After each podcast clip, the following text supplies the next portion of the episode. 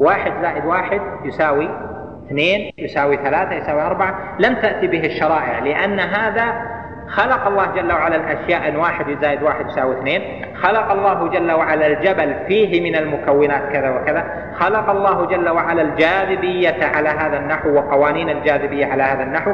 لا يمكن هذه الأشياء أن تدخلها الأهواء ولهذا لم تتعرض لها الشرائع ولم تتعرض لها الديانات وترك استنتاجها والبحث فيها للناس. لأن هذه سيصلون إليها بالتجربة. سيخطأ المخطئ وسيصوب المصيب لأن الشيء ماثل أمامهم. ليس لهم هوى في أن يجعلوا معامل الجاذبية كذا. يزيدون واحد ولا ينقصون واحد من عشرة؟ ما لا. الهوى لا يدخل في هذه المسائل. التجربة إذا قلنا إن الشرائع جاءت لما فيه إخراج الإنسان من داعية هواه. فالأشياء التي يتحكم فيها الهوى جاءت الرسالات لها. يتحكم الهوى في علاقات الناس بعضهم ببعض. يتحكم الهوى في العبادة. واحد يريد أن يخرج من التكاليف يريد أن يعمل ما يشاء يفعل ما يشاء يقتل يسرق يفعل ما يشاء. الهوى يدخل في حرية الإنسان يدخل في هل يتعبد أم لا يتعبد في علاقته بأهله في علاقته بمجتمع في علاقته بأسرته في ع... إلى آخر. هذه أشياء يدخلها الهوى. لهذا جاءت الشريعة بضبطها. إذا فنقول التجربة التجربة في العقليات صحيحة لكن فيما لا يدخله الهوى. أما ما يدخله الهوى فلا تصح التجارب فيه. لا بد أن يتلقى من حكم يفرض على الأهواء ما تتنازع فيه ويسلمون لها. ولهذا قال جل وعلا ولو اتبع الحق أهواءهم لفسدت السماوات والأرض لأن الأهواء غير منضبطة والحق واحد لا يخضع لهوى تجارب المجربين تجارب المجربين تصلح إذا فيما يمكن عمل التجارب عليه. لكن الأمور الكونية البعيد الغيب هل ثم سلطان للتجربة عليها؟ لا الأمور الكونية لا مجال للتجربة عليها ولهذا قال من قال من العلماء المعاصرين علماء الأمور الدنيوية الغربيين وغيرهم من الحذاق إن المرء كلما أوغل في العلم بالكونيات كلما ازداد معرفة بأن فيها أسرارا لا تدرك. ولهذا الأمور الكونية صعب أن تخوض فيها بإدراك تام. تجارب لكن ستبقى تجارب.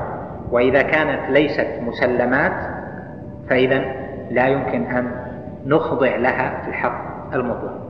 النوع الثالث من البرهان من البرهان العقلي أو المدرسة العقلية اللي اعتمدتها المدرسة العقلية أن المتأخر يسلم للسابق يأتي يقول والله قال انظر مثلا للمعتزلة. المعتزلة في أصلهم سلموا للفلاسفة بصحة أنواع البرهان العقلي. فإذا ثم تقليد. المتأخرون سلموا لمن قبله.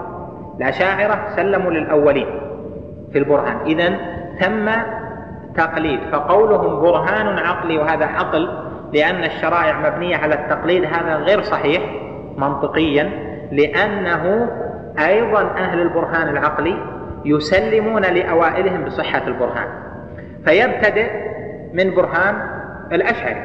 الأشعري مثلا بدأ وصل إلى شيء فيبتدئ أصحابه من النقطة اللي وصل إليها وينطلقون منها.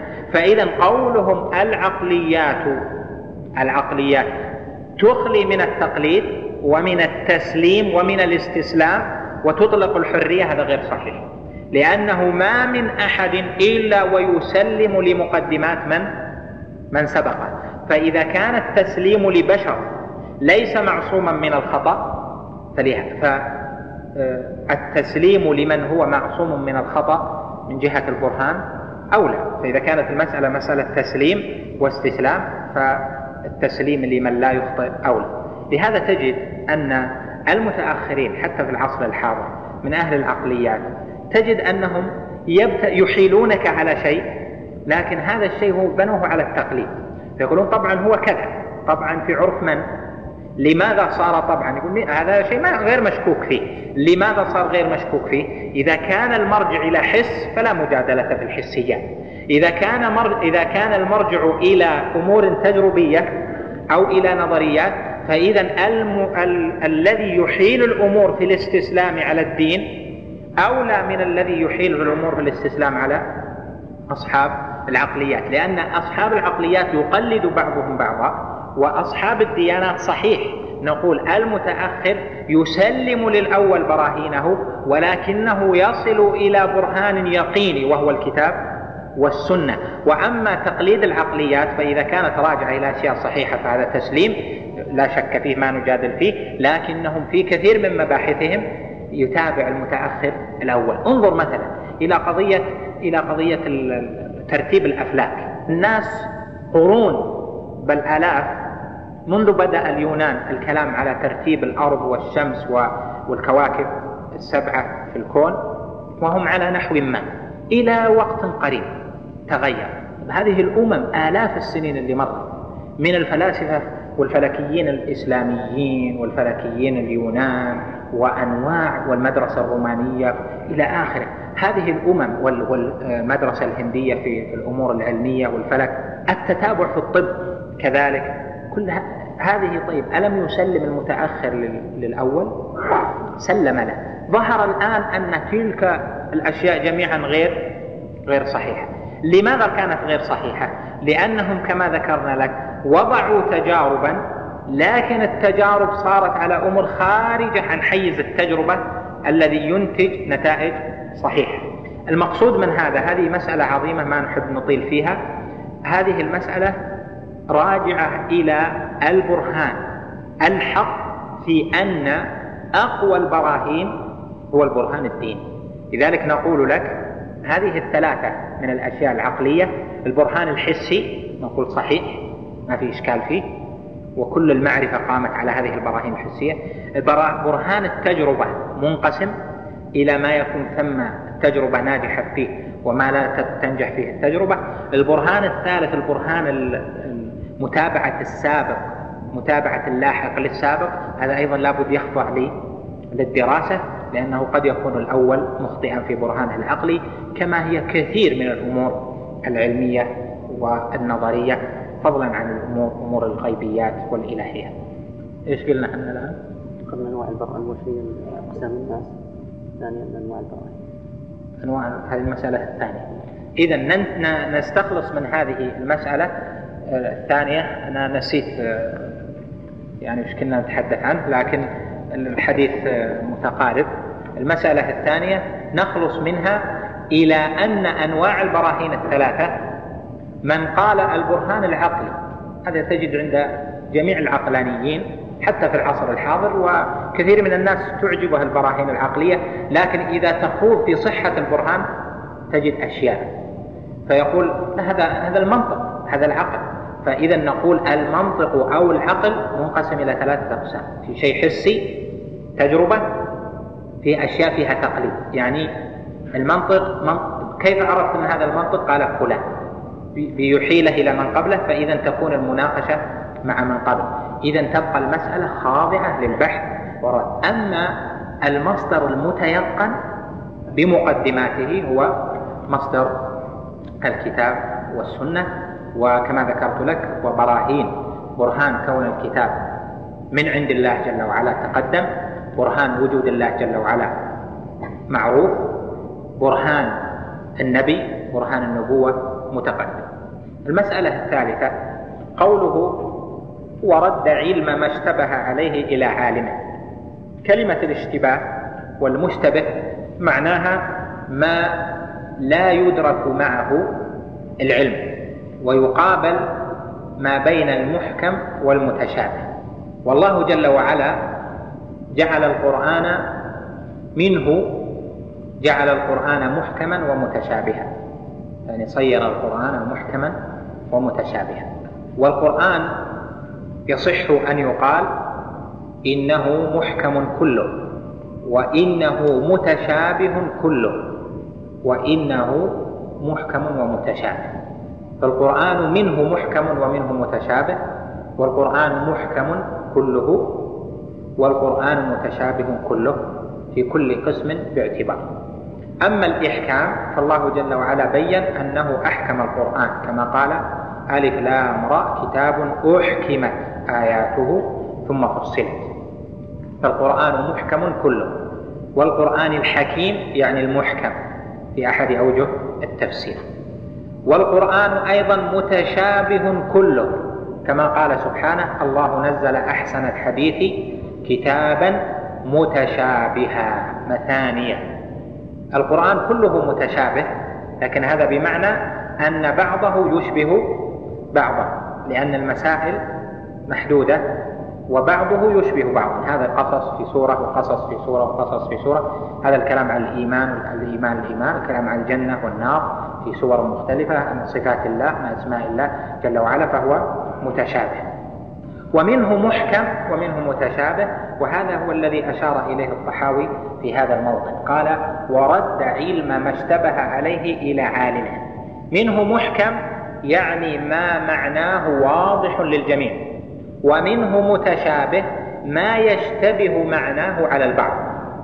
وإذا تبين ذلك فليس ثم في القرآن إذن متشابه على كل أحد. ليس ثم في القرآن متشابه مطلق. نقول هذه المسألة متشابه يعني لا أحد يعلمها. في القرآن آية لا أحد يعلم معناها. هذا مستحيل. لأن الله جل وعلا جعل القرآن محكما كله وجعل منه محكم ومنه متشابه والراسخون في العلم يعلمون المتشابه الذي هو المعنى. أما المتشابه النسبي فنعم. هذا المتشابه النسبي ما معناه؟ هو أنه ما من شيء إلا ويشتبه علي. أو عليك أو على فلان. ليس ثم أحد بعد النبي صلى الله عليه وسلم علم كل شيء. علم كل القرآن علم كل السنة. لا بد أن يشتبه عليه شيء. بمعنى أن يستسلم لبعض الشريعة فإنه لا يعلم المعنى. وقد جاء عن أبي بكر رضي الله عنه أنه قال عند قوله تعالى وفاكهة وأبا قال أي سماء تقلني؟ أي سماء تظلني وأي أرض تقلني. إذا قلت في كتاب الله ما لا أعلم.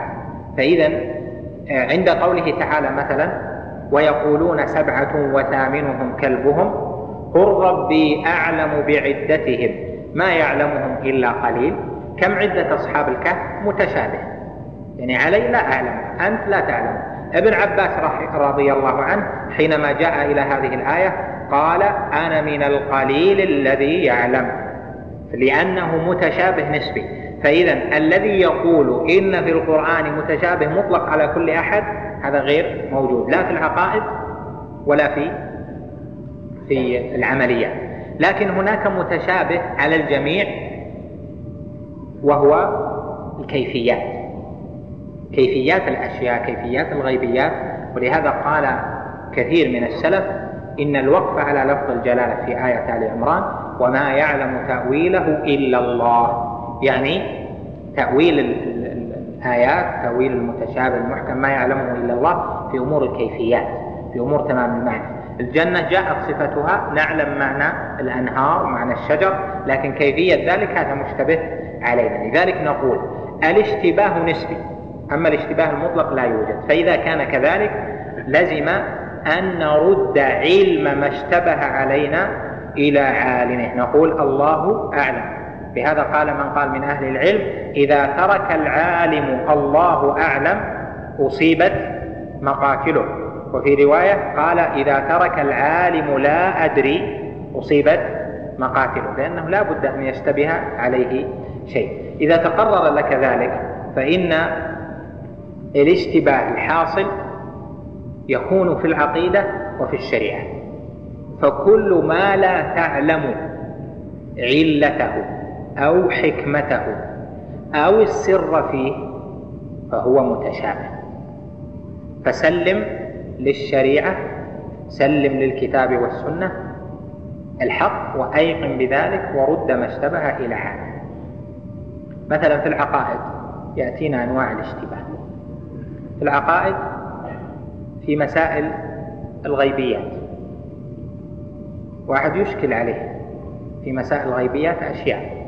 أمر الجنة أمر النار أمر الناس كيف يعذبون في النار بعد الموت. تأتيك أسئلة تأتيك أسئلة كثيرة. هذه الأسئلة الرؤية مثل التي ذكر كيف يرى الفرد المؤمن بقواه المحدودة؟ يرى الرب جل وعلا الذي السماوات والأرض الذي السماوات مطويات في يمينه وهو سبحانه وسع كل شيء رحمة وعلما. كيف يكون؟ ما يتحمل العقل ذلك؟ العرش كيف أن السماوات السبع كدراهم سبعة ألقيت في ترس؟ كيف أن الكرسي وسع السماوات والأرض؟ كيف الماء وكان عرشه على الماء؟ تأتي مثل هذه الأسئلة لا تدركها. فإذا جاء عدم الإدراك في مسائل الإيمان في الغيبيات فيجب أن تسلم إلى عالم. في القدر لما كان كذا؟ لما قضى الله كذا؟ لما أغنى الأغنياء؟ لما أفقر الفقير؟ لما أمرض؟ لماذا أصابني بكذا؟ إذا بدأت الأسئلة فيأتي بدء الاعتراض ويحرم المرء في كما سيأتي في الجملة التالية. فإذا تحتاج إلى الاستسلام في العقائد أعظم الاستسلام لأنها مبنية على الغيبيات والأمور الغيبية برهانها. إذا استسلمت للبرهان فصدق. الأمور الغيبية مبنية على برهان. هل هو البرهان للغيب نفسه؟ لا. هو برهان لبرهان الغيبيات. برهان الغيبيات هو القرآن والسنة. عندنا برهان لصحة القرآن والسنة. هذا برهان واضح صحيح. لكن البرهان على الغيبيات بأفرادها ما عندنا لكن عندنا البرهان على البرهان الأصلي وهو الكتاب والسنة. بالنسبة لأمور العبادات والفقه تأتي مسائل العلل التعليلات الشريعة معللة ولا شك والله جل وعلا جعل الأحكام الشرعية منوطة بعللها. لكن من العلل ما ظهر ومنه ما لم يظهر. لهذا تجد أن بعض العلماء يعبر عن مسائل العلل في العبادات بأن علته قاصرة. تارة يقول علة فإن العلة تعبدية وهناك علل معروفة. فإذا إذا جاءتك المجاهيل في أمور العبادات فإنك تسلم دون خوف لأنه ثم أشياء تغيب عن العبد. المسألة الرابعة والأخيرة قال ولا تثبت قدم الإسلام إلا على ظهر التسليم والاستسلام. التسليم والاستسلام هما دين الإسلام. فإن الإسلام هو الاستسلام. لله بالتوحيد والانقياد له بالطاعة والبراءة من الشرك وأهله.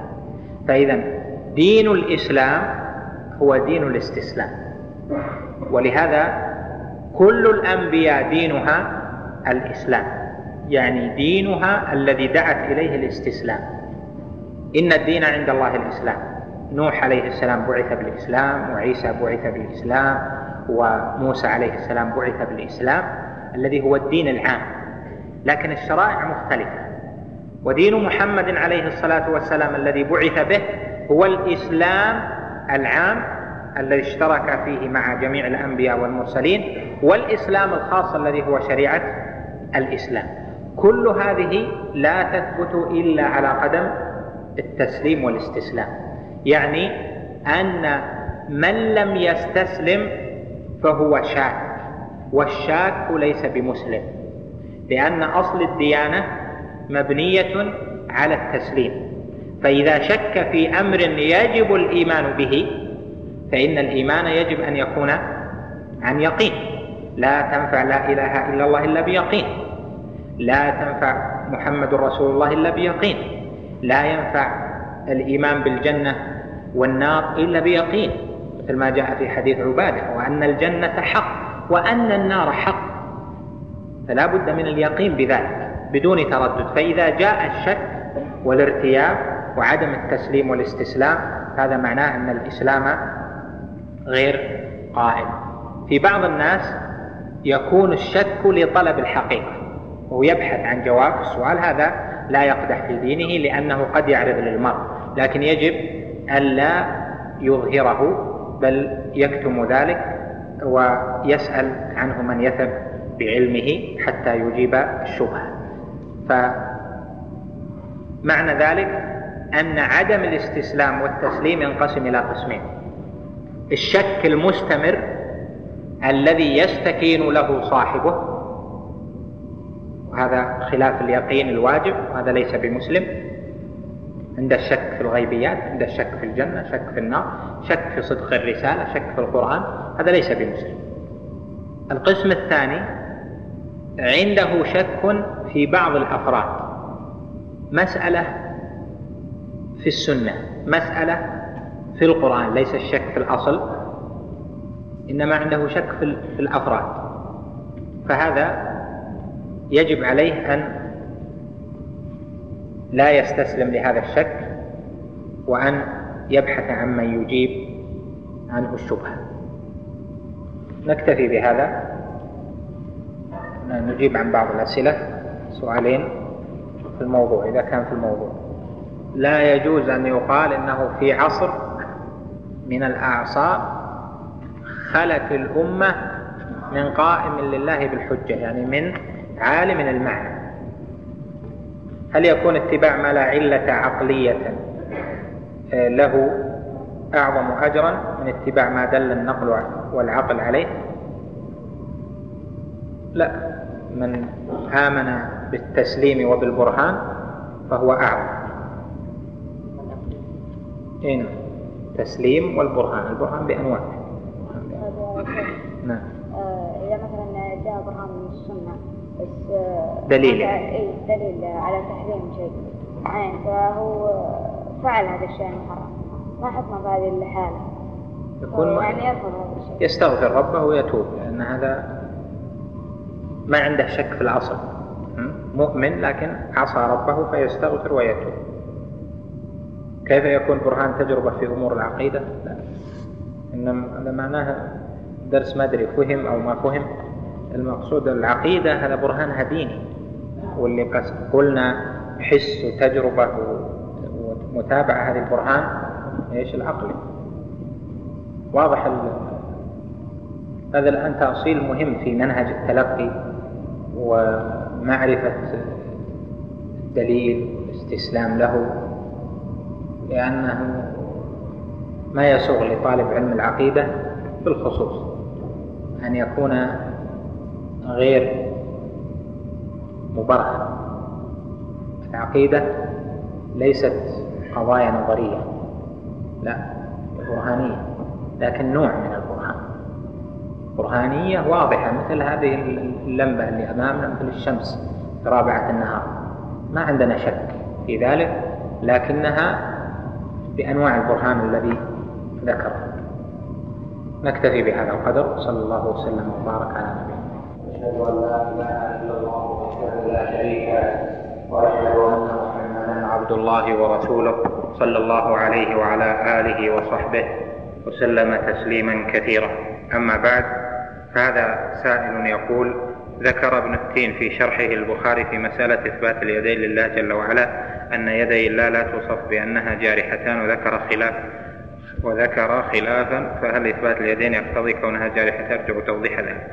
الجواب أن معتقد أهل السنة والجماعة مبني على متابعة الكتاب والسنة وعلى أن لا يتجاوز القرآن والحديث. نمر ما جاء على ظاهره لا نتجاوز القرآن والحديث. فإثبات صفتي. اليد صفتي اليدين لله جل وعلا أو صفة اليدين لله جل وعلا. هذا لأنها جاءت في القرآن وفي السنة كما قال جل وعلا بل يداه مبسوطتان ينفق كيف يشاء. وكما قال جل وعلا في سورة صاد ما منعك أن تسجد لما خلقت بيدي. وكما قال ألم يروا أن خلقنا لهم مما عملت أيدينا أنعاما فهم لها مالكون. ونحو ذلك من الآيات. وفي السنة أيضا أحاديث كثيرة في هذا الباب. فإذا تقرر ذلك فإثبات صفة اليدين لله جل وعلا لا يتجاوز فيه ما جاء في الكتاب والسنة. فلا نقول اليدان جارحتان ولا نقول اليدان كأيدينا ونحو ذلك مما فيه مجاوزة. اليد معروفة. كل يعقل معنى اليد لكن لا تشبه يد الرحمن جل وعلا بيد عباده بل على قاعدة ليس كمثله شيء وهو السميع البصير. فإثبات الصفات إثبات وجود وإمرار على ظاهرها بما اشتملت عليه الصفة من المعنى لا إثبات كيفية فلا ندخل في الصفات متوهمين بأوهامنا ولا مجتهدين بآرائنا لأن الباب باب باب غيبي لا يخاض فيه بالآراء والأوهام. وهكذا كل صفات الرب جل وعلا مثل صفة الوجه وصفة العينين وصفة السمع والبصر وصفة الإتيان والمجيء والاستواء والرحمة والرضا والغضب. وسائر صفات الرب جل وعلا كلها تثبت لأنها جاءت في النصوص جاءت في الحق المطلق في الكتاب والسنة وما لم يأتي في الكتاب والسنة فلا نثبته ولا نطلقه على صفات الله جل وعلا. إذ ذلك زيادة على ما علمنا. والله جل وعلا قال ناهيا ولا تقف ما ليس لك به علم. فمن زاد على ما جاء في النصوص في الصفات فقد قفى ما ليس له به علم. هذا سؤال الفقه ما هو ضابط الجمع في المطر؟ النبي عليه الصلاة والسلام لم يصح عنه أنه جمع في المطر وإنما جاء في صحيح مسلم من حديث ابن عباس رضي الله عنهما أن النبي عليه الصلاة والسلام جمع ثمانيا وسبعا يعني جمع الظهر والعصر. وجمع المغرب والعشاء من غير خوف ولا سفر في رواية أخرى من غير خوف ولا مطر. وإذا تبين ذلك فإن هذا النفي فهم منه العلماء أن السفر والمطر والخوف تبيح الجمع لأنه قال جمع من غير خوف ولا سفر من غير خوف ولا مطر. فيدل على أن المطر مشروع الجمع له والسفر مشروع الجمع له كما هو معلوم والخوف مشروع الجمع له وهذا بالمفهوم. وهذا المفهوم يحتمل أن يرجع إلى جمع الظهر والعصر والمغرب والعشاء لكل سبب من الأسباب المذكورة ويحتمل أن يرجع التعليل المعدد إلى واحد دون الآخر.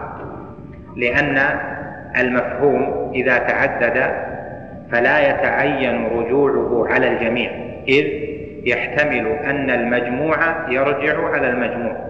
يعني أن الخوف والمطر ترجع على جمع الظهر والعصر معا والمغرب والعشاء معا. أن السفر والمطر يرجع إلى هذا وهذا معا. فلا يتعين في هذا المفهوم أن يكون في الحديث دلالة ظاهرة على أن الجمع يكون بين الظهر والعصر وبين الخوف وبين المغرب والعشاء للمطر.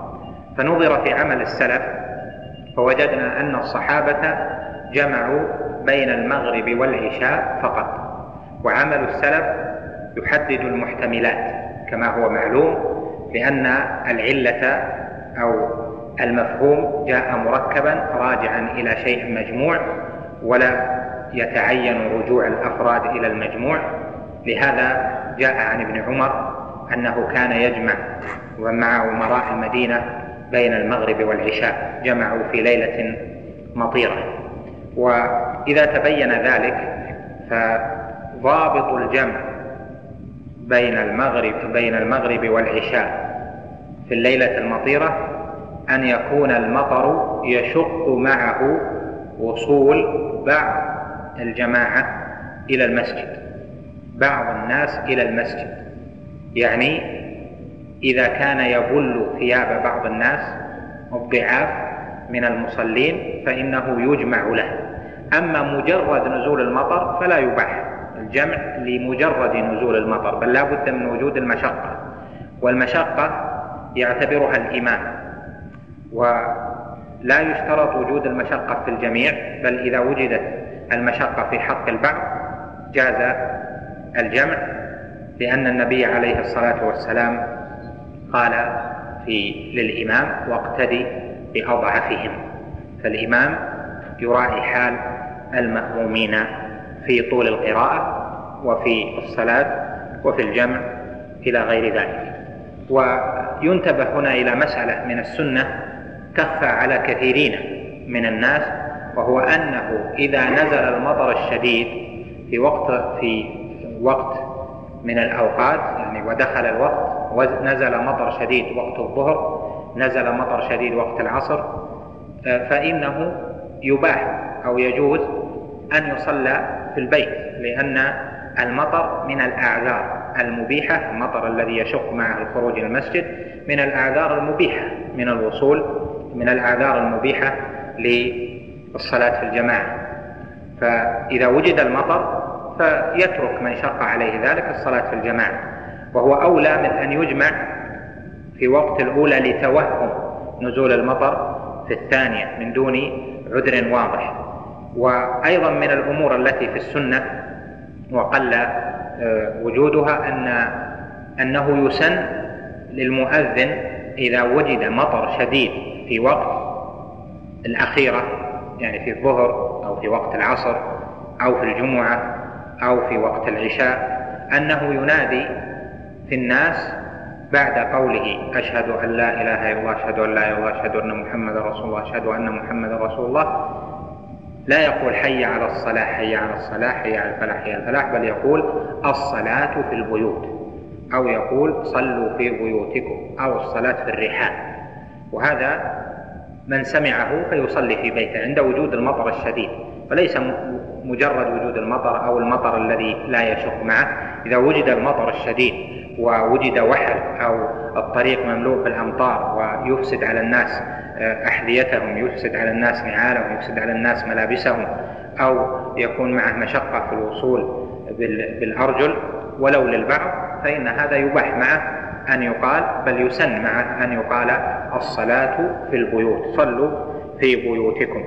ولكن هذه ينبغي أن ينتبه الإمام لها فلا يعني المؤذن لها فلا تقال إلا بأمر الإمام في أوقات يكون المطر فيها شديد.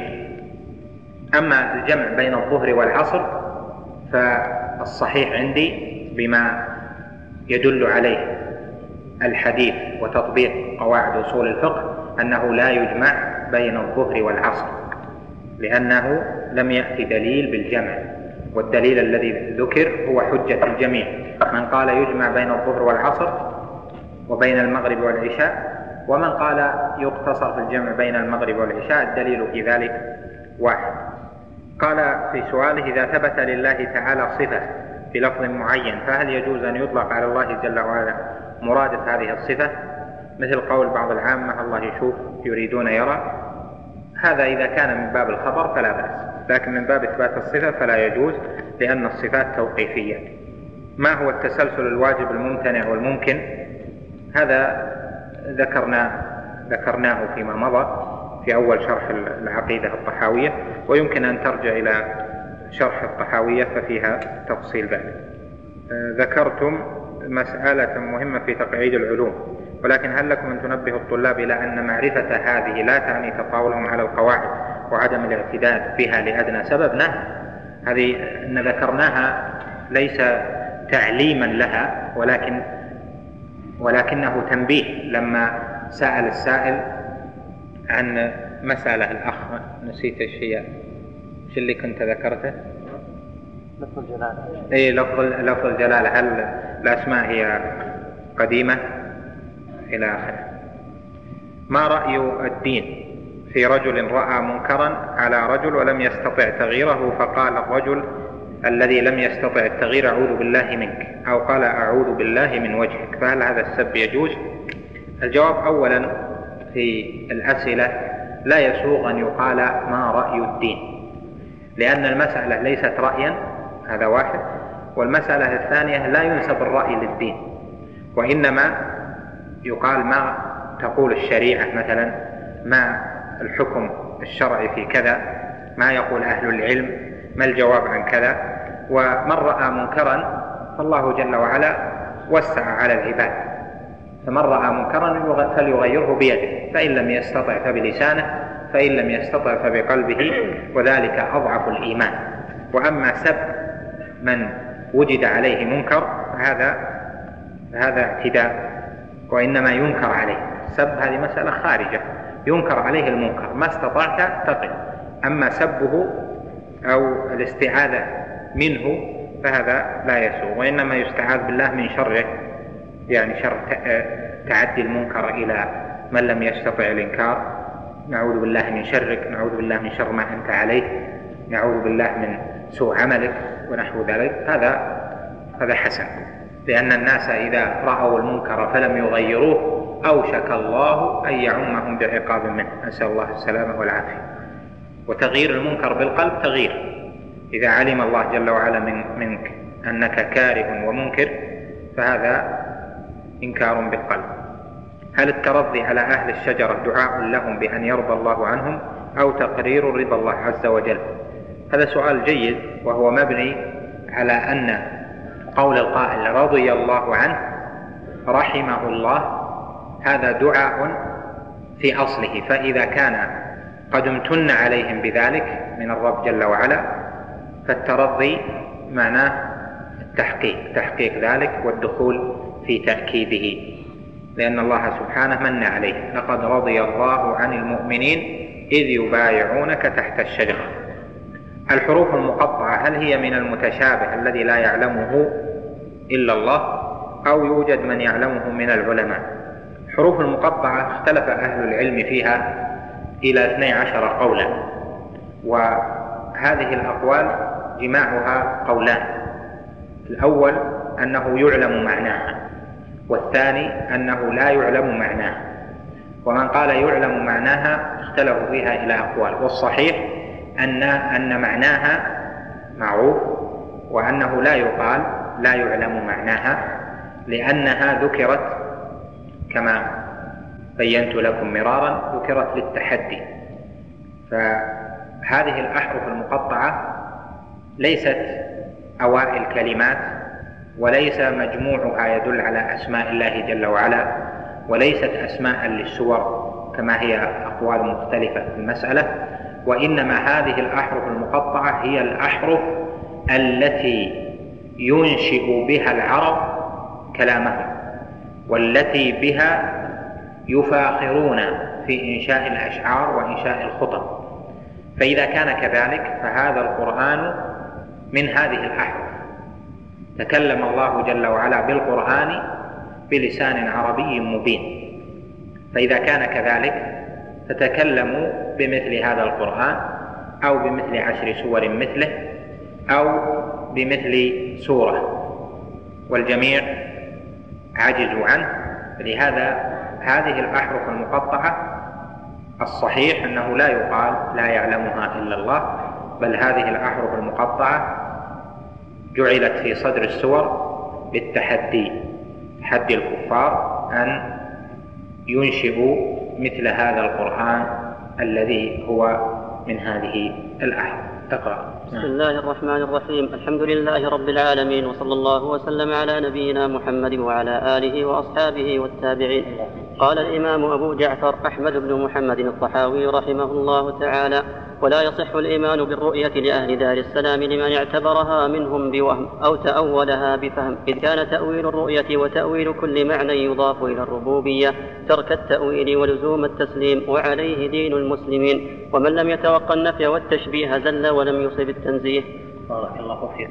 كان وقوفنا في الدرس الماضي عند قوله فمن رام علم ما حضر عنه علمه ولم يقنع بالتسليم فهمه حجبه مرامه عن خالص التوحيد وصافي المعرفة وصحيح الإيمان.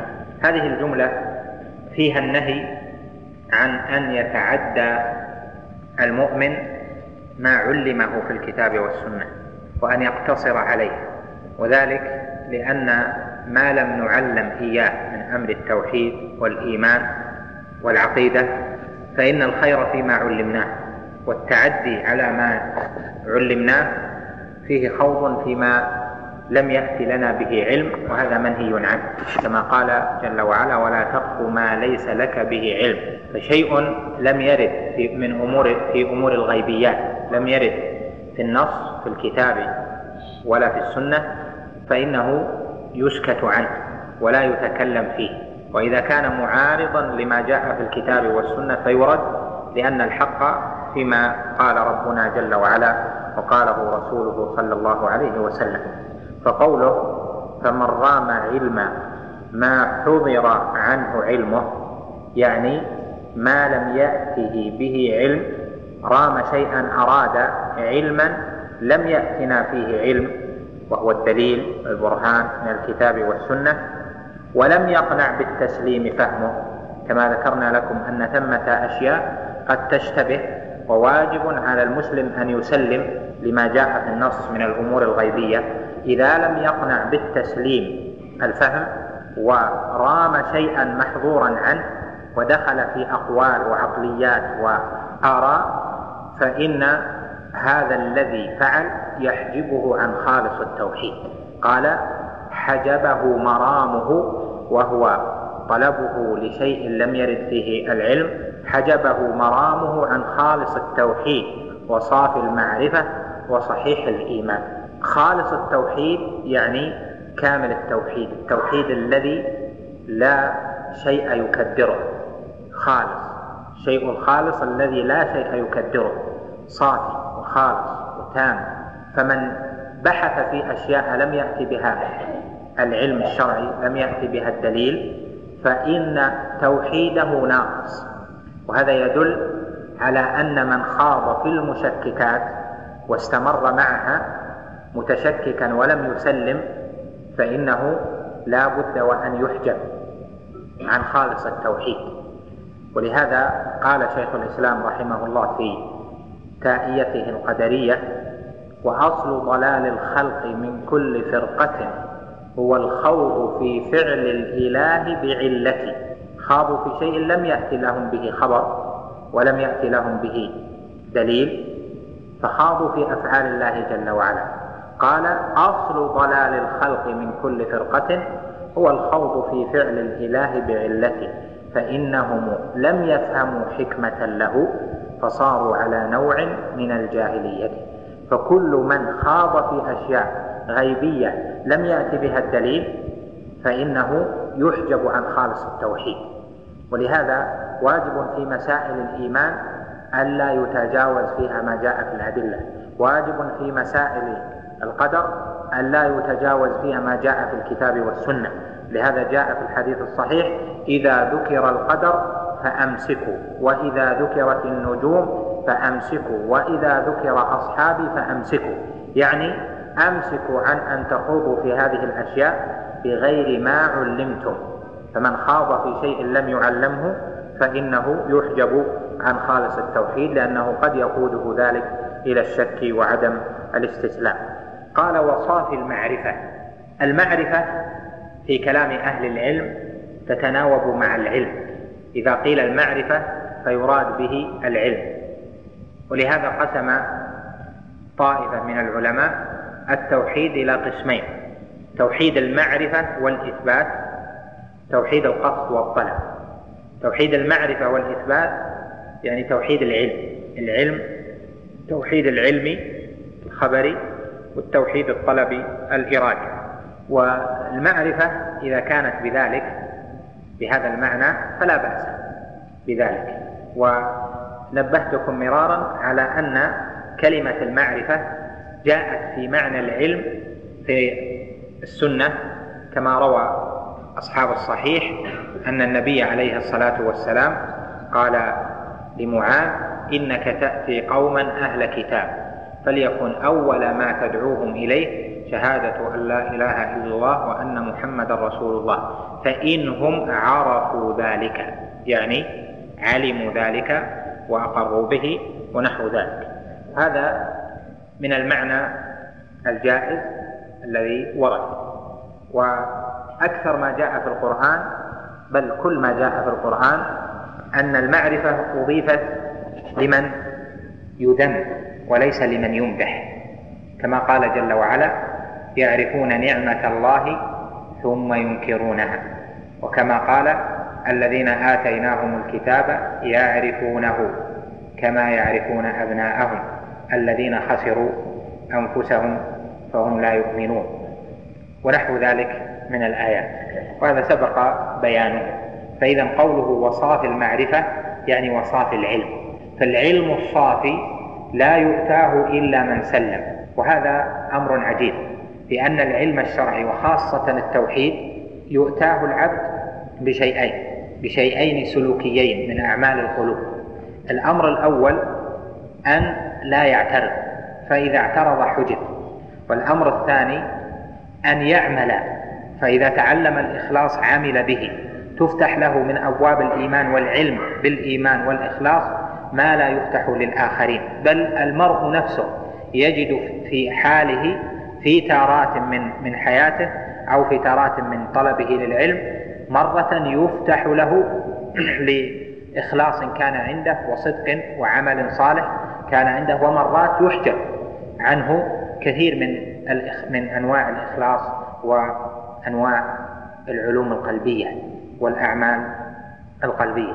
فهذان أمران مهمان. الأول عدم الاعتراف والثاني العمل بمفردات التوحيد ومفردات الإخلاص. فصفاء العلم يكون بهذين الشيئين حتى الأمور العملية. الأمور العملية أمور الصلاة الأحكام الفقهية من العبادات في المعاملات وغير ذلك. إذا علمت شيئا فسلمت للدليل وسلمت لكلام أهل العلم فيه فعملت بذلك أورثك الله جل وعلا ثباتا في هذا العلم الذي علمته وفهما لما لم تعلم.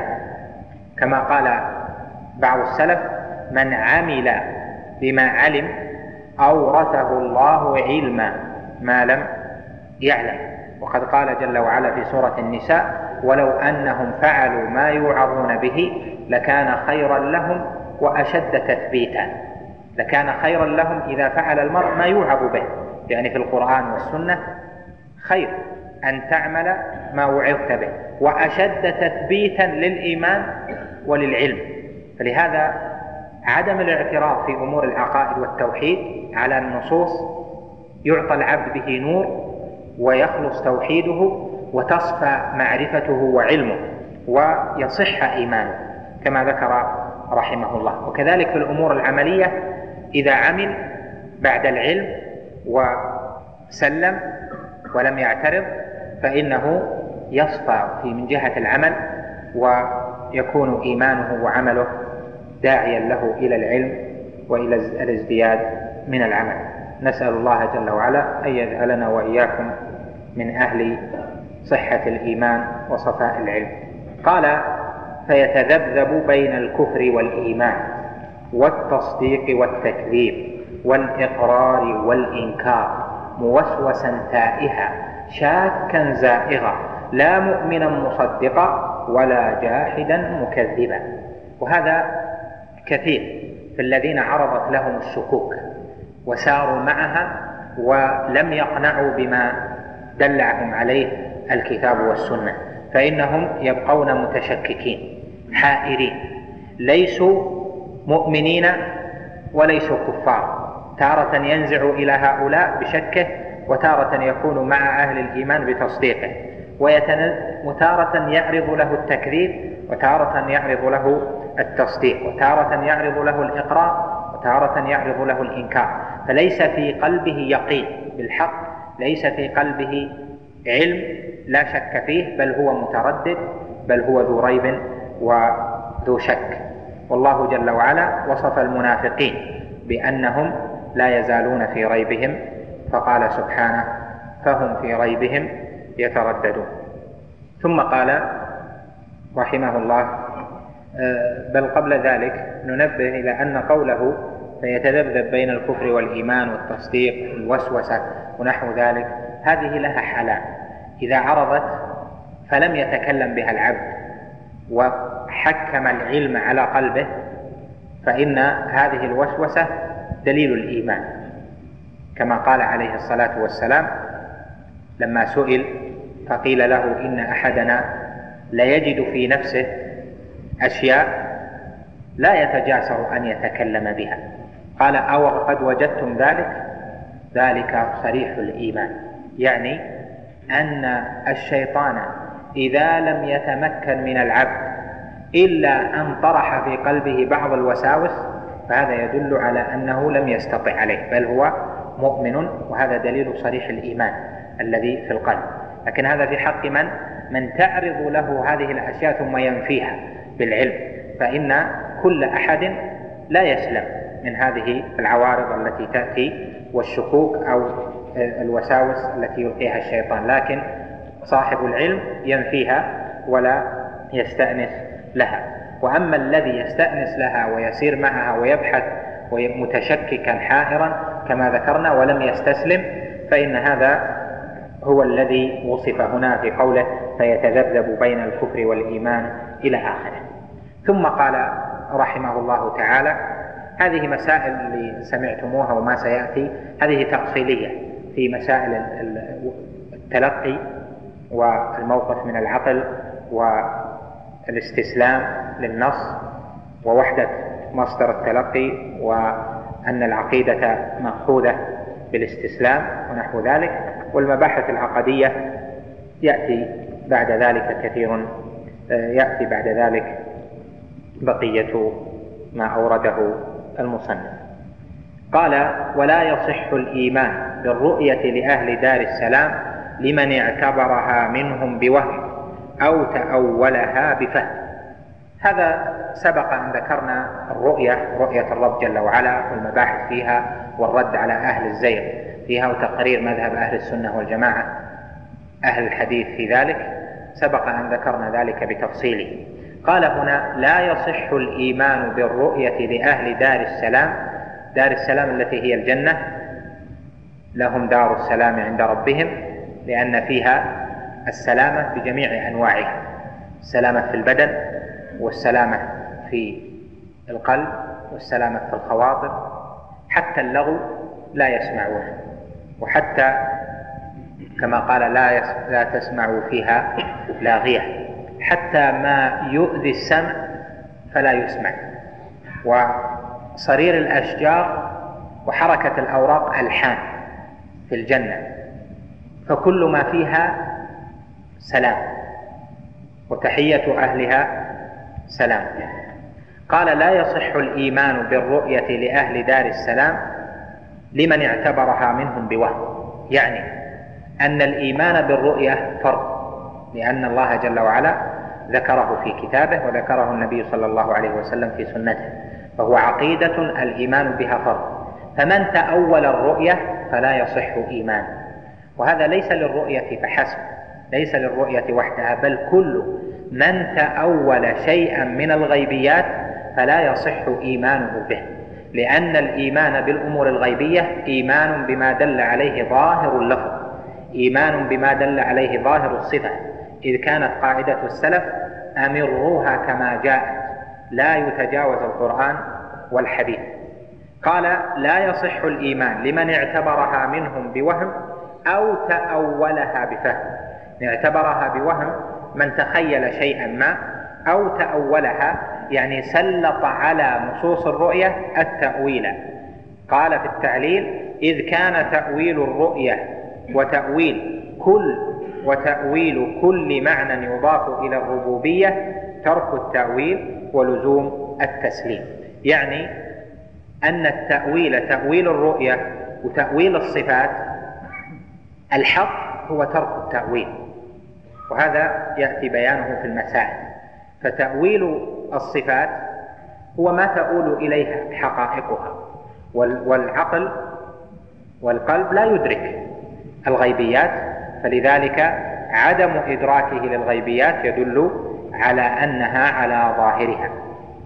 فقوله هنا لا يصح الإيمان إلى آخره علله بقوله إذ كان تأويل الرؤية وتأويل كل معنى يضاف إلى الربوبية يعني إلى الرب جل وعلا من الصفات جميعا تأويل ذلك الحق ترك التأويل ولزوم التسليم وعليه دين المسلمين. وهذه الجملة من كلامه واضحة المعنى فيما ذكرت لك لكن ينبني عليها لفهم مراده مسائل. المسألة الأولى في معنى التأويل. التأويل هو ما تؤول إليه الأشياء. آل الأمر إلى كذا يعني صار إلى كذا. والتأويل هو إيال الأشياء إلى نحو ما. هذا في اللغة. تأويل الرؤيا ما تؤول إليه الرؤيا. تأويل الطاعة ما تؤول إليه الطاعة. ذلك خير وأحسن تأويلا يعني وأحسن عاقبة أحسن مآلا. فإذا كلمة تأويل هذه اسم مصدر آل الشيء يؤول إيالا وتأويلا. فإياله نهايته تسمى تأويل تسمى تأويله. المسألة الثانية التأويل في استعمال أهل العلم أو فيما جاء في الكتاب والسنة وفيما جرى عليه كلام العلماء ينقسم إلى ثلاثة أقسام. القسم الأول التأويل بمعنى التفسير. الكل يشترك في المعنى الأول اللغوي الذي ذكرت لك في المسألة الأولى. الأول التأويل بمعنى التفسير. تأويل كذا يعني تفسيره يعني تفسيره. هذا تأويل رؤياي يعني هذا تفسير رؤياي. وعلى هذا قول العلماء في تفسير القرآن قول أهل التأويل. مثل ما يستعمل الحافظ أو الإمام ابن جرير في تفسيره ويكثر منه قل قال أهل التأويل يعني أهل التفسير تفسير القرآن. الثاني التأويل تأويل الأخبار وتأويل الأمر والنهي. تأويل الخبر ما تؤول إليه حقيقة الخبر. يعني أنه إذا ذكر شيء لك فأخبرت به فتأويله حينما تراه. كما قال جل وعلا هل ينظرون إلا تأويله. يعني تأويل ما ذكر الله في سورة الأعراف من خبر اليوم القيامة والجنة والنار. هل ينظرون إلا تأويله. يوم يأتي تأويله يقول الذين إلى آخر الآية قوله هل ينظرون إلا تأويله؟ يعني ما يقول إليه حقيقة الخبر وهو ما سيراه الناس. فتأويل كل خبر في الأمور الغيبية هو حقيقته التي هي عليه. فتأويل الجنة هو حقيقة الجنة. تأويل النار حقيقة النار. فهذه الأخبار التي أخبر الله جل وعلا بها من الغيبيات تأويلها هي حقائقها في الأمور الغيبية. ولهذا قال جل وعلا وما يعلم تأويله إلا الله على من وقف عند لفظ الجلالة في أن أحدا لا يعلم التأويل إلا الله. يعني تأويل المتشابه يعنى بهذا التأويل ما تؤول إليه حقائق هذه الأشياء يعني ما هي عليه وهذا لا يعلمها إلا الله.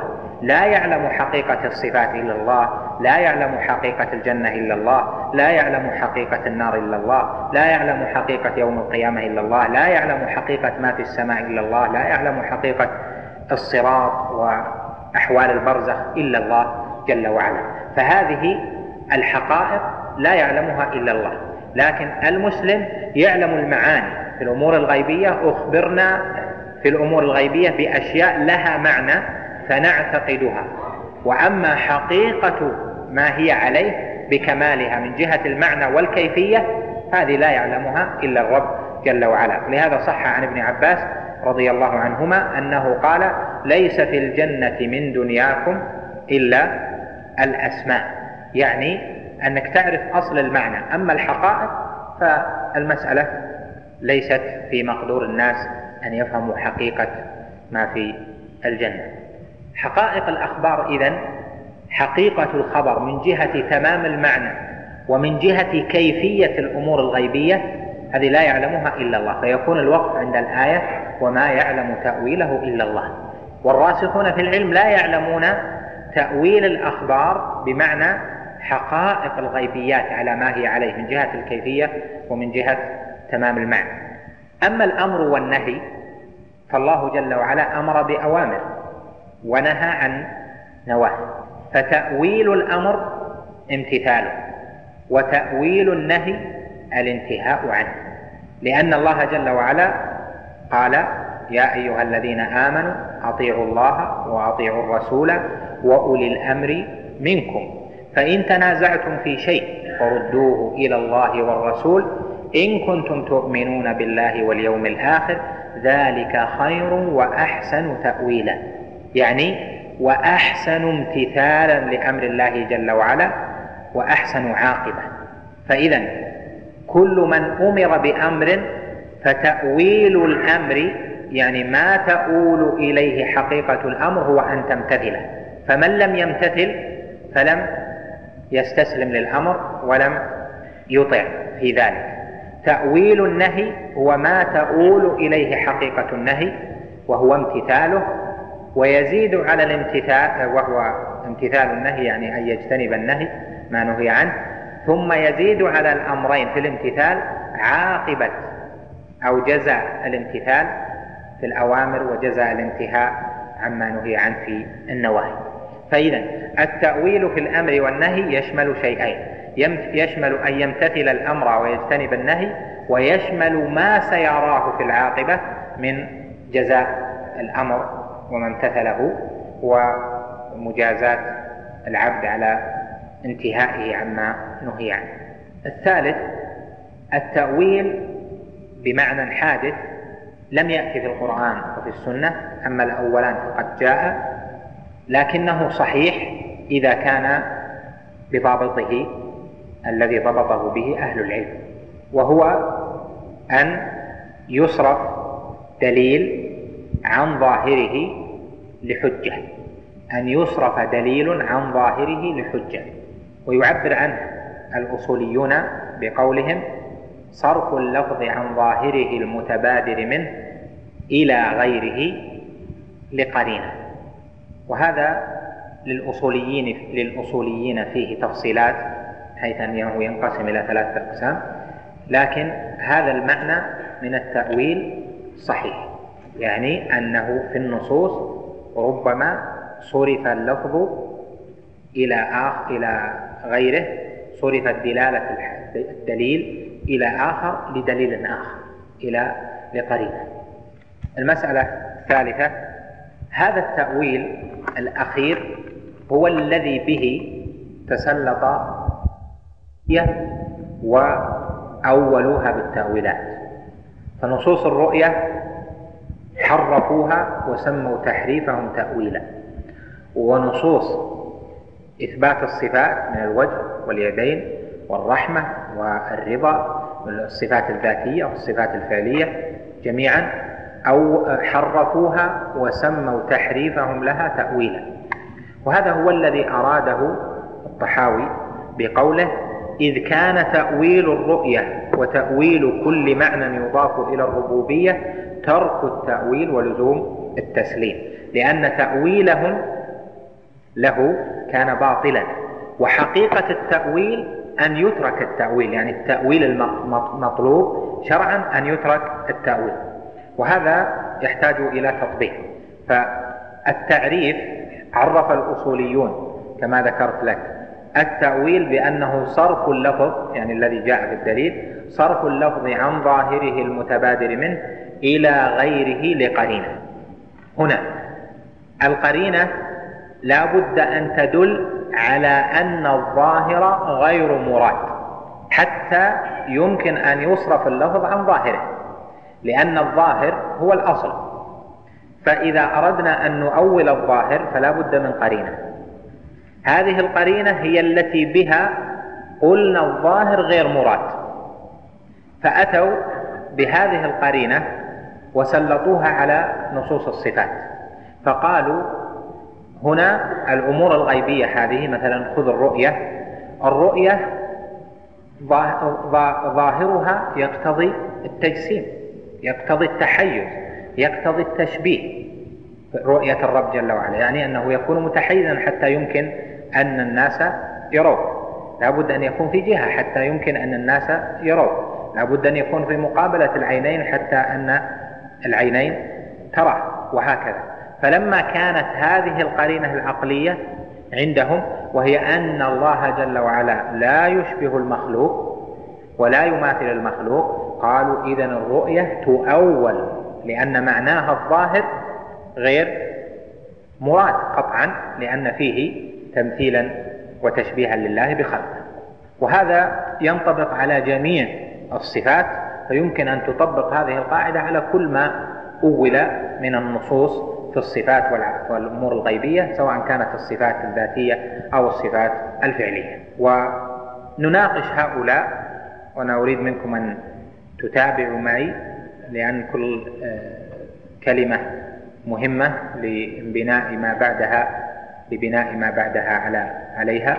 هؤلاء جاءوا بشيء سموه قرينة فحكموه على النص. فسموا هذا الذي فعلوه تأويلا. ونحن بقاعدة الأصوليين بتعريف الأصوليين نناقشهم. هل طبقتم التأويل حقا أم أنكم عملتم شيئا سميتموه تأويلا؟ القاعدة ما عليها غبار قاعدة صحيحة فنقول هنا صرف اللفظ عن ظاهره المتبادر منه. إلى غيره لقرينة. أن يصرف عن ظاهره المتبادر منه إلى غيره لا بد أن يكون الظاهر الظاهر الذي صرف عنه لا بد أن يكون معلوما معلوم المعنى حتى نصرفه إلى غيره. ونقول هذا الظاهر الأول غير مراد لأنه لا يصلح حتى يمكن أن نصرفه. وهذا في التقعيد واضح. صفات الرب جل وعلا في ظاهرها المتبادر منها ظاهر معنى وأصل المعنى أيضا وليس ظاهرا في الكيفية وليس ظاهرا في كل المعنى. اذا فعندنا في النص ثلاثة أشياء. عندنا أصل المعنى الذي نفهم به نفهمه من اللغة وعندنا تمام المعنى كمال المعنى كمال الصفة كمال معنى الصفة. وعندنا ثالثا الكيفية. فإذا ظاهر النص ظاهر النص مشتمل على أصل المعنى يعني على إثبات الصفة من حيث الوجود. صفة الرحمة الرحمن الرحيم. هذا فيه إثبات صفة الرحمة. لكن ما هو كمال معنى الرحمة؟ ليس واضحا في النص. إذ النصوص فيها أصل إثبات الصفة. فإذا صرف اللفظ عن ظاهره المتبادر منه إلى غيره لقرينة هم صرفوا لم يصرفوا الظاهر وإنما صرفوا شيئا توهموه زيادة على الظاهر. فالظاهر يجب الإيمان به والاستسلام فهم توهموا للظاهر شيء زائد على دلالة النص. توهموا تمام معنى وتوهموا كيفية. فإذا لم يقتصروا على الأمر الأول وهو أن النص جاء في الصفات وفي الأمور الغيبية للأصل المعنى وإنما توهموا كيفية فقالوا صفات الله جل وعلا كيف أن الإنسان بيرى بعينيه معناه أن الله جل وعلا بيكون متحيز وسوف يكون في جهة وسوف يكون إلى آخره من الأمور الباطلة. ونقول هذه زائدة على النص. فإذا التأويل الذي سلط على النص في الحقيقة سلط على ما في الأوهام ولم يسلط على النص. فإنكم تخيلتم أن النص يشمل الثلاث هذه جميعا. في أنها في في المعنى أصل المعنى وفي تمامه وفي الكيفية ثم سلطتم التأويل عليه. فسلطتم إذا التأويل ليس على اللفظ وإنما على ما توهمتموه من اللفظ. فإذا قاعدة التأويل في الحقيقة لم تطبقوها وإنما طبقتم ما في أذهانكم لهذا نقول إثبات الصفة إثبات وجود بمعنى وليس إثبات تمام المعنى أو الكيفية. فالقرينة التي بها تسلط على النص هي قرينة المماثلة أو المشابهة. كل ما هذا يقول هذا يقتضي التمثيل يقتضي التشبيه يقتضي التجسيم فلذلك يؤول. فالقرينة عندهم عقلية بحتة وليست نصا. القرينة عقلية في أن هذه الأشياء ظاهرها يماثل صفات المخلوقين يشابه صفات المخلوقين فلذلك يجب أن ننفي هذا الظاهر. وهذا في الحقيقة ليس هو ظاهر النص. ظاهر النص ليس فيه الكيفية ظاهر النص ليس فيه كمال المعنى وإنما ظاهر النص الذي يجب الإيمان به أن فيه أصل اتصاف الله جل وعلا بالصفة. فنؤمن بأن الله جل وعلا ذو وجه جل وعلا وأنه سبحانه متصف بصفة السمع لكن كيف يسمع؟ يسمع دبيب النملة على ظهر الصفات الملسى كيف حصل هذا السمع؟ تمام معنى السمع ما نستطيع ندخل فيه وإنما نقول الله جل وعلا موصوف بصفة السمع وله من هذه الصفة كمالها. كمال هذه الصفة الكمال المطلق. لكن هل نستطيع أن نخوض في تفصيلاته؟ هذا الكمال إلى أي حد؟ لا نستطيع. كذلك صفة الوجه صفة اليدين إلى غير ذلك من الصفات. فإذا هو إثبات وجود لا إثبات كيفية. إثبات اتصاف بالصفة لا إثبات كيفية. فإذا الذين سلطوا القرينة سلطوها بشيء متوهم فلهذا لا يصح أن يقال إنهم طبقوا قاعدة التأويل بل هم حرفوا لأنهم جعلوا للنص دلالة بأوهامهم خلاف دلالة النص ثم بعد ذلك سلطوا عليها التأويل لهذا قال طائفة من أهل العلم كل مؤول ممثل كل مؤول مشبه لأنه لا يمكن أن يؤول إلا وقد قام في قلبه من دلالة النص التشبيه أو التمثيل. هذا واحد. الأمر الثاني نقول لهم إذا لم تسلموا بذلك وقلتم إن تأويلنا كان لأصل المعنى وليس لما قام في أوهامنا وفي أذهاننا فنقول يلزم من ذلك أن تؤولوا صفة السمع. يلزم من ذلك أن تؤولوا صفة البصر. يلزم من ذلك أن تؤولوا صفة الكلام. فما الفرق بين صفة الكلام لله جل وعلا وصفة السمع والإرادة والحياة وصفة الرحمة؟ ما الفرق بينها؟ ما الفرق بين هذه الصفات وبين صفة اليدين؟ فإذا السمع للمخلوق سمع فالمشابهة حاصلة بحسب أفهامه فالنص الذي به أثبتتم صفة السمع والبصر وصفة الكلام هو النص الذي به أثبتت سائر الصفات. فلم لم تتعرضوا لهذا بتأويل وتعرضتم للآخر بتأويل؟ إن كان الآخر أخذتم كما قلتم أصل المعنى فأولتم فهذه أنتم أخذتم أصل المعنى فيلزمكم التأويل. إذا فالحاصل من هذا أن كل مؤول لا يصح أن يقال إنه مؤول بل هو محرف لأن التأويل لا ينطبق على قاعدته لا ينطبق على هذه الحال. فالنصوص الغيبية بابها باب واحد. تطبيق القاعدة الأصولية التي هي التأويل لا يصلح على هذه المسائل المسائل الغيبية لما ذكرته لك. المسألة الرابعة آه، بل تتميم للمسألة إذا قول الطحاوي هنا دقيق للغاية وتنبه لقوله قال إذ كان تأويل الرؤية وتأويل كل معنى يضاف إلى الربوبية ترك التأويل. تأويل إذا أردت أن تطبق قاعدة التأويل فستنتج تخرج منها وستستنتج منها أن التأويل ترك التأويل كيف؟ إذا قلنا إن القرينة غير ممكنة لأن المعنى هذا غيبي فإذا سينتج منه أن القاعدة غير منطبقة فإذا التأويل سيؤديك إلى ترك التأويل لأن القاعدة غير جائية وسارية في مسائل الغيبيات. وهذه كلمة دقيقة منه رحمه الله تعالى. إذ كان تأويل الرؤية وتأويل كل معنى يضاف إلى الربوبية ترك التأويل ولزوم التسليم. لأنك لو طبقت قاعدة التأويل نتج منها ترك التأويل. التأويل يعني أن تترك التأويل.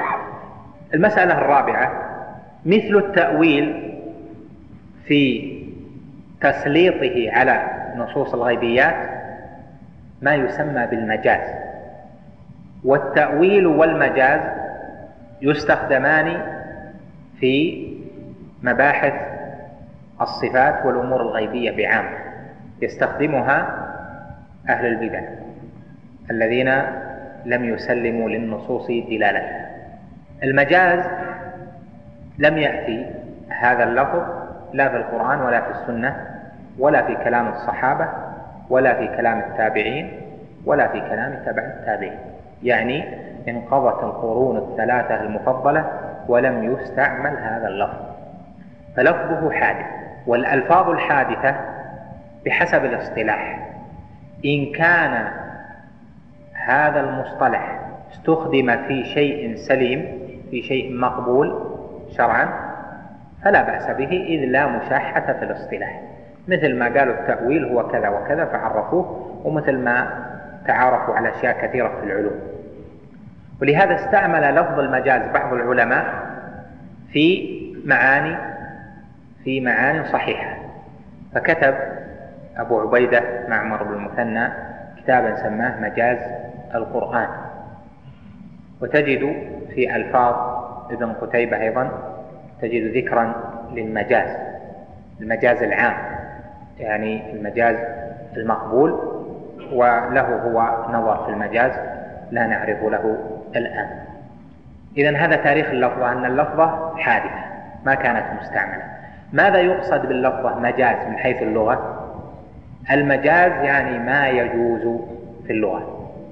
ولهذا قال أبو عبيدة معمر بن المثنى في كتابه مجاز القرآن ثم استوى على العرش فإذا استويت أنت ومن معك على الفلك قال مجازه على على العرش. وهذا يعني أن هذا معنى في اللغة. يعني ما تجيزه اللغة يعني هذا مجاز اللفظ في اللغة وما أجازته العرب من المعنى.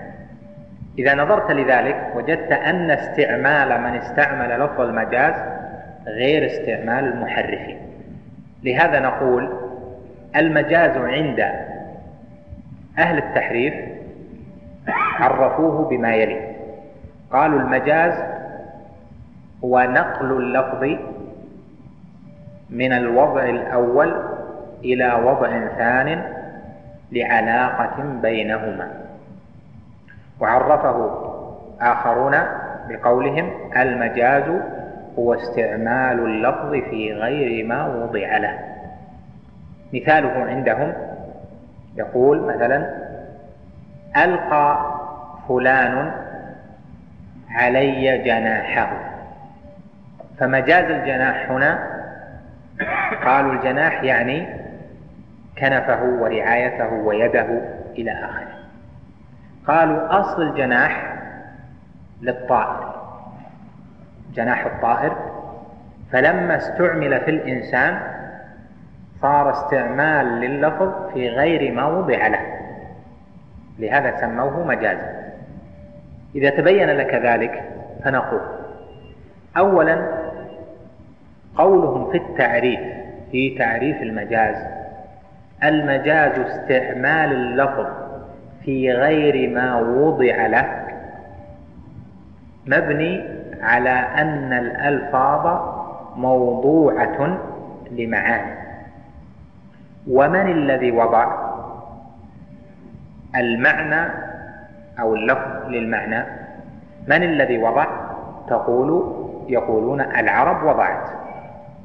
التعريف الأول وهو المشهور عند الأصوليين صرف المجاز نقل اللفظ المجاز نقل اللفظ من وضع من الوضع الأول أو من وضع الأول إلى وضع ثاني. يعني أن العرب وضعت للألفاظ شيئا ثم نقلته من الوضع الأول إلى الوضع الثاني. هذا التصور مبني على خيال في أصله. وهو أنه يطالب من عبر بهذا التعبير بأن يقال له. من الذي وضع الوضع الأول؟ أولا في التعريف. لهذا لا تدخل مع الذين يبحثون في المجاز أصلا يعني في الغيبيات. أما في الأمور الأدبية هذا الأمر سهل. يعني خلاف أدبي سهل لكن إذا أتى في المجاز في الأمور الغيبية والصفات فناقشه بالتعريف. الآن التعريف ما هو تعريف المجاز استعمال اللفظ في غير ما وضع له. نقل اللفظ من الوضع الأول للوضع الثاني. هذا الوضع الأول والوضع الثاني. كيف عرفنا أن هذا هو الوضع الأول؟ الجواب لا سبيل إلى جواب. ليس ثم أحد يمكن أن يقول هذا اللفظ وضع لكذا. إذ معنى ذلك أن العرب اتفقت عقدت مؤتمرا اجتمعت جميعا وقالت الآن نحدد لغتنا في الوضع الأول. هذا هذا السقف السماء وضعها الأول هو ما علا. الأرض هي هذه هذا الوضع الأول. الشيء جرى مشى معناه كذا. جناح هو لهذا الطائر حمام هو لهذا الطائر وهكذا. فيتصور من التعريف أن العرب اجتمعت وجعلت لكل لفظ معنى في لغتها. وهذا خيال لأن من عرف ودرس نشأة اللغات لا يمكن أن يتصور أن اللغة العربية نشأت على هذا النحو.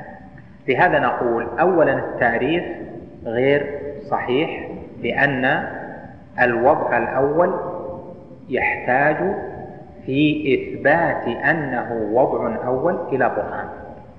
أثبت لي أن هذا هو الوضع الأول ولا بأس. لكن لا سبيل إلى الإثبات. لهذا نقول إن المعاني في اللغة العربية المعاني كثير منها كلية. وكلما ذهبت إلى المعنى الكلي كلما كنت أحذق وأفهم للغة. وهذا ما جرى عليه العالم المحقق ابن فارس في مقاييس اللغة. كتاب سماه معجم مقاييس اللغة.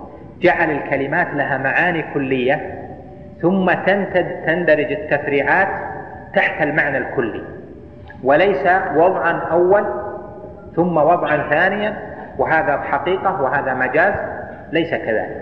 إذا تبين ذلك فنقول لفظ التأويل ولفظ المجاز يستعملان كثيرا. التأويل يقابله الظاهر أو الظاهر يقابله التأويل. والحقيقة يقابلها المجاز. فيقال هذا حقيقة وهذا مجاز. ويقال هذا ظاهر وهذا تأويل. ولا يقال في التأويل مجاز والمجاز تأويل لا. التأويل يختلف عن المجاز كما ذكرته لكم مرارا. المجاز كتطبيق عشان لأجل أن تفهم كيف يطبقون المجاز على قاعدتهم وكيف أن هذا الكلام الذي طبقوه غير جيد غير صحيح. يقولون مثلا الرحمة مجاز عن الإنعام. طيب مجاز عن الإنعام يعني أن لفظ الرحمة الرحمة وضعته العرب للمخلوق للإنسان. فلما استعمل في صفات الرب جل وعلا نقلوه من الوضع الأول إلى وضع ثان وهو الإنعام لأن العرب استعملت الرحمة بمعنى الإنعام. فإذا الرحمة تشمل رحمة الأم بولدها ورحمة الوالد بولده ورحمة ال ال الإنسان بمن يتعرض لشيء أمامه من المكروهات وتشمل الإنعام. رحمه يعني أنعم عليه.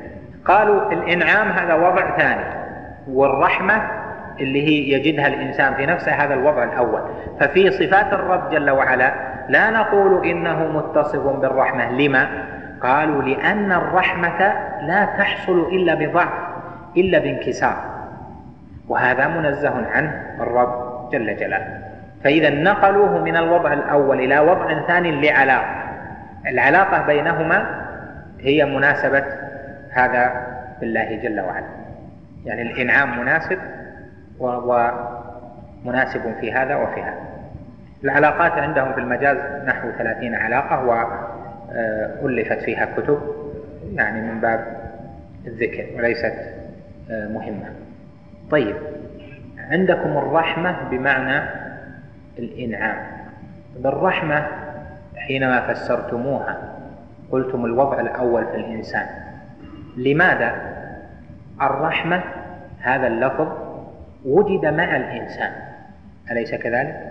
وجد مع الإنسان. أحس بهذا الشيء الذي في في نفسه وهذا الشيء سمي رحمة. فهل هذه الرحمة حين وضع لها هذا المعنى هي في لغة العرب أو هي في اللغات جميعا؟ الجواب أنها في لغة العرب. يعني من حيث لفظ رحمة. وأما المعنى المعنى المشترك لهذه الصفة فهذا عام في في جميع اللغات. يعني موجود في كل لغة ما يدل عليه. اللغة هل تضع الأشياء محدودة أو كلية؟ اللغة المفروض فيها أنها تجعل المعاني تجعل الألفاظ للمعاني الكلية لا لمعان محدودة. فنأتي للرحمة فنقول الإنسان عنده هذه الرحمة وجد هذه الصفة في نفسه فسماها رحمة. لكن لا يوجد تعريف في أي كتاب من كتب اللغة للرحمة بتعريف جامع مانع محدود. كذلك الرأفة كذلك الود كذلك المحبة ونحو ذلك. فالمعاني النفسية هذه الموجودة في داخل نفس الإنسان هذه لا يوجد تعريف محدد لها حتى في كتب اللغة.